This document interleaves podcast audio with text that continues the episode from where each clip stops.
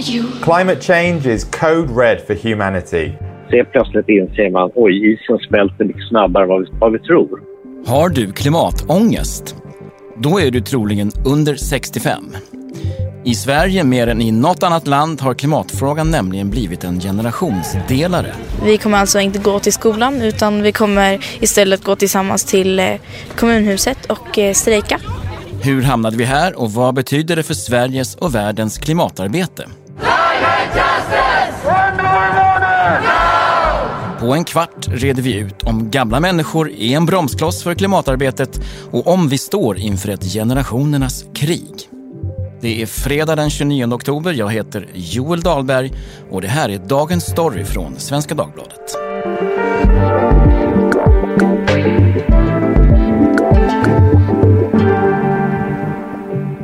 Välkommen hit Erika Treijs. Du är reporter med inriktning på klimatfrågor på Svenska Dagbladet. Tack ska du ha.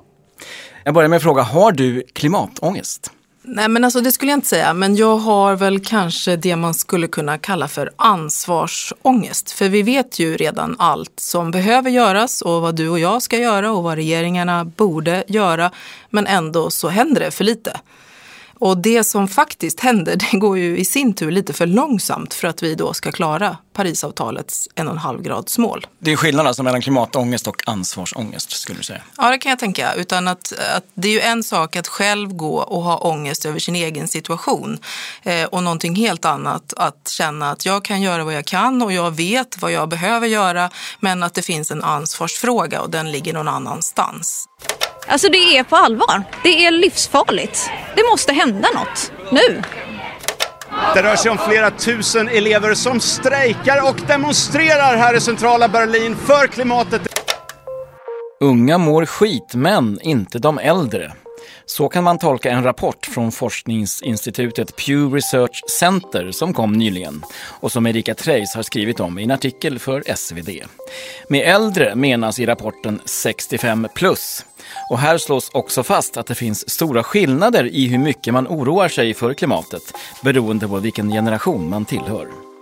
Och den slog ju lite grann ner som en bomb kan man säga. I alla fall i Sverige, för det är vi som sticker ut. Mm. Många av de andra länderna som man har tittat på, där är man lika orolig oavsett om du är 25 eller 65. Men i Sverige är det då annorlunda. Och där kan man säga att 65 procent av de, de yngre, de är oroliga för hur de ska drabbas av klimatförändringarna. Ja. Men motsvarande siffra när det kommer till de äldre är bara 25 procent. Vad ger då forskarna för förklaringar på det här? Alltså den här studien som vi pratar om nu, den går inte alls in på vad det beror på. Nej, okay. utan, utan det är bara, bara en mätning som då handlar också om oro ska man säga. Mm. Hur orolig okay. är du för klimatförändringarna? Och det är det som de här respondenterna då har svarat på. Så det kan vara en ren åldersfråga, att jag, jag bryr mig inte för det, jag, inte, jag kommer inte hinna drabbas? Ungefär. Det kan vara så. Det kan också vara så att man som äldre är lite coolare och faktiskt har varit med om ett och annat förut och inte oroas i onödan. Mm, kalla krig och allt möjligt. Ja. När du skriver om det här, hur ser din mailkorg ut då? Nej men alla, alla klimatämnen renderar en mängd eh, diskussioner i min mailkorg. Mm. Många människor är upprörda och eh, många är arga. Och jag försöker ha någon slags dialog med de här läsarna. Den här, den här texten vi talar om nu, det är ju egentligen en kommentar. Och den är ju ganska hårt vinklad. Den hade också en rubrik som jag kan förstå att man upprörs av. Mm, som var? Hur många äldre tål egentligen klimatet? Ja, mm.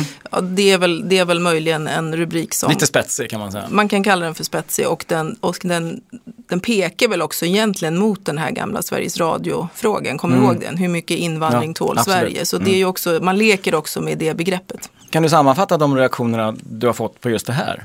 Nej, men många äldre tyckte nog att jag trampade dem på tårna. Och det kanske främst handlade om den där rubriken. För läser man texten som i, i sin tur då är en kommentar som inte är detsamma som en mm. nyhetstext så kommer du att se att, att först så är det två studier som väldigt tydligt eh, talar om ungas klimatångest. Och sen är det en tredje studie där vi då kan se den här skillnaden mellan generationerna och att den är absolut störst i Sverige. Eh, och den, det är klart att där där har vi något att diskutera och jag är inte säker på att det finns några tydliga svar. Men det är klart man kan spekulera vad det beror på. Mm. Man skulle ju lite grovt då kunna beskriva det här som att bortskämda eh, äldre bromsar klimatarbetet. Är det så och är det i så fall ett stort problem?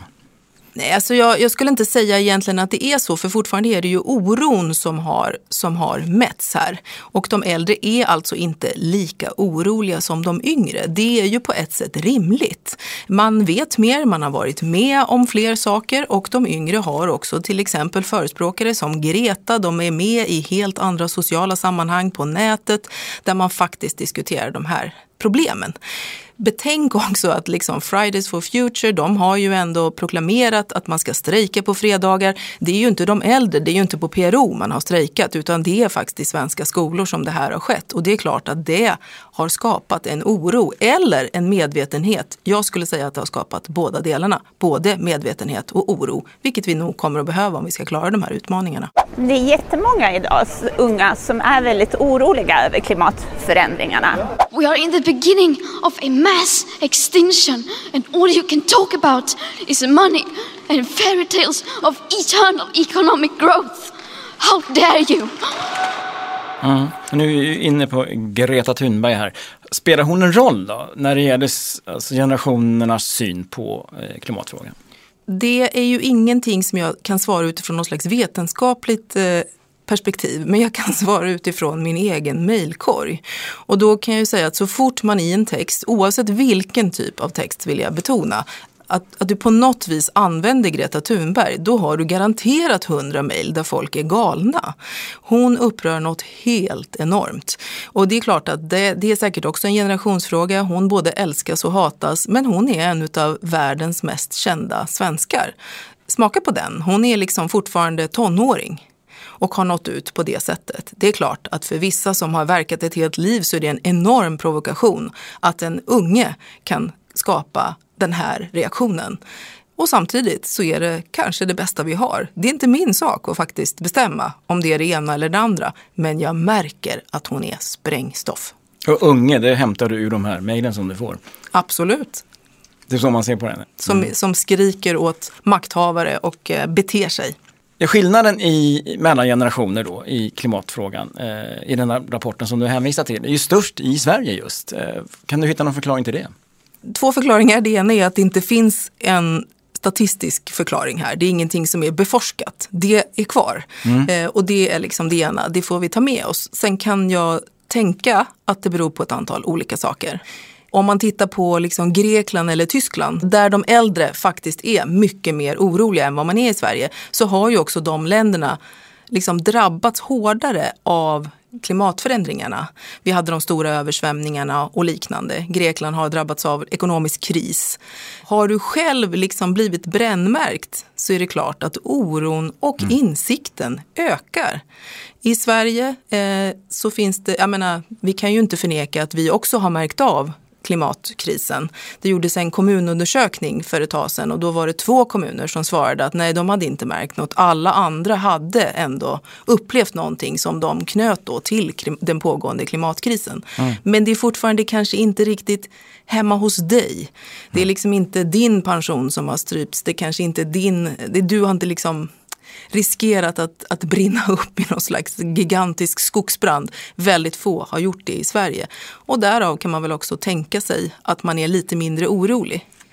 Ytterligare en grej som jag möjligen kan också tro spelar roll är ju den positiva sidan och det är att om du upplever att du kan påverka så blir du också mindre orolig. I Sverige har vi ju trots allt liksom en, en väldigt gynnsam situation med all vår vattenkraft och vi ser att omställningen fortgår. Men om du sitter i södra Europa och konstaterar att du, du har ingen chans att klara den här omställningen med någon slags bibehållen ekonomisk eh, möjlighet så är det klart att det driver också på oron, tänker mm. jag. Många har ju sett den här filmen tillsammans och man kan ju prata om eh, generationsklyfta på 70-talet. Du hade liksom kommunismen som eh, socialismen som var stor och så hade du den äldre generationen som tyckte att de där ungdomarna de har inte fattat någonting. Vet du vad KFMLR är för något? Kommunistiska förbundet Marxist-Leninisterna Revolutionärerna. Du borde, du borde faktiskt hänga med på något möte någon gång. Vill du göra det? Nej, jag tror inte att det är någonting för mig. Ja, men jag tror Och att det är någonting. istället. Och hem Nej, men du, lyssna. Och det här vet jag själv i- från min egen släkt att det skapade väldigt stora motsättningar mellan unga och gamla. Alltså man, man sa upp bekantskapen, man pratar inte med varandra. Kan det bli så? Ja, vem vet. Eh, Jag minns i alla fall, jag vet inte om du kommer ihåg det, men, men det var väl bara Thanksgiving under, under Trumps tid där man lämnade bordet därför att man kunde inte diskutera. Man kunde Mm. inte prata med varandra. Demokrater och republikaner stod plötsligt så långt ifrån varandra. Skulle klimatfrågan kunna bli något sånt i Sverige? Eh, ja, det är jag helt övertygad om. So we are on the verge of the abyss. And when you are on the verge of the abyss, you need to be very careful about what the next step is. Det viktigaste klimatmötet sedan Parisavtalet för sex år sedan. Så beskrivs det, COP26 i skotska Glasgow.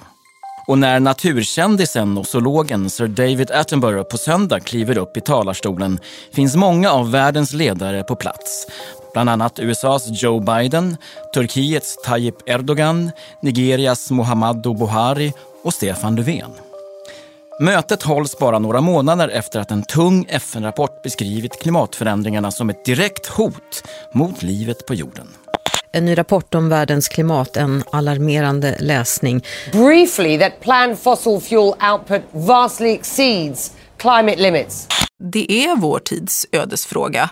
Eh, och på årets klimattoppmöte så ska ett antal viktiga frågor förhandlas. Och eh, när man nu får hela världens fokus åt ett håll, eh, det riktas trots allt just nu till, eller på Glasgow och vad som sägs där, så har man ju också en möjlighet att nå igenom det här bruset.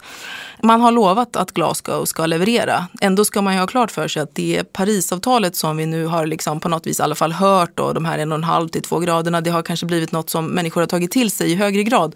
Det, det man utlovade då, det är egentligen det man ska hämta hem nu. Så man ska liksom inte heller tro att Glasgow kommer med massa nya saker, utan det handlar om regelboken, hur ska man kunna mäta de här sakerna. Man styr upp det hela. Exakt. Eh, och det är egentligen det som är de största sakerna som, som kommer att ske i Glasgow. Men det kanske allra viktigaste, det är det som sker lite innan. Det är när länderna helt enkelt gör sin läxa. Hur mycket kan vi sänka våra utsläpp och hur ska vi göra det? Och det är det som man ska lämna in innan till det här mötet. Just nu så har varken Indien eller Kina lämnat in sina NDCer. Och det är ju totala game changer i det här spelet. Just nu ser allting kolsvart ut. Gör de här två stora drakarna sitt jobb och också ser till att leverera, ja men då kanske vi till och med skulle kunna klara de där två graderna i vilket fall, även om det nu är nattsvart. När vet vi det? Det talar om Indien och Kina. Jag tror ingen vet. Det vi vet är att Xi Jinping kommer inte till Glasgow. Det tycker man internationellt. Det vittnar om att Kina inte kommer att komma med några stora fantastiska löften. Medan andra säger att nej, de har andra sätt att tala på bara. De, de ser till att göra det här på sitt sätt. De vill inte bli styrda av USA och andra. Vad sanningen är mm, får framtiden utvisa. Men det finns en möjlighet och jag hoppas att världens ledare kommer att ta den. Vad talar för att det, det här blir någonting annat än bara ännu en miljökonferens? Därför att situationen kräver det. Och politik är ju trots allt ett resultat av vad människor faktiskt vill och vad människor kräver. Och för första gången kan vi ju ändå se att den här frågan är på allas läppar. Vi har talat om den yngre generationen, de ställer krav. De kommer snart att rösta. Vi ser att den gröna omställningen genererar också pengar. Grön infrastruktur genererar också jobb. Vem vill sitta kvar med Svarte Petter, det vill säga stor, tung finansiellt eh, kapital i oljeindustrin till exempel? Ja, allt färre. Därför att nu rullar hjulen. Vill man vara med eller vill man vara mot? Och till sist Erika, att det är framförallt yngre som brinner för den här frågan. Hur påverkar det förutsättningarna för klimatarbetet? Nej, men det kanske inte påverkar jättemycket precis där vi befinner oss nu. Men det kommer att påverka framöver. Och det är jag väldigt glad för. För det man också märker är ju att engagemanget är ju störst i de yngre åldrarna. Och det är klart, det är deras värld, det är deras planet, det är vi som har solkat till den. Men nu kommer de att ta över den. Och det är klart att de flesta önskar att vi ska städa upp efter oss innan det är deras tur. Tack Erika Treijs för att du kom till Dagens Story. Tack för att jag fick komma. Och vill du höra heta diskussioner om aktuella frågor? Lyssna på Ledarredaktionen, också det är en podd från Svenska Dagbladet. Programmet idag producerades av Gabriella Lahti. Redaktör var Teresa Stener von Matern. Och jag heter Joel Dahlberg. Vill du kontakta oss så mejla till dagensstory.svd.se.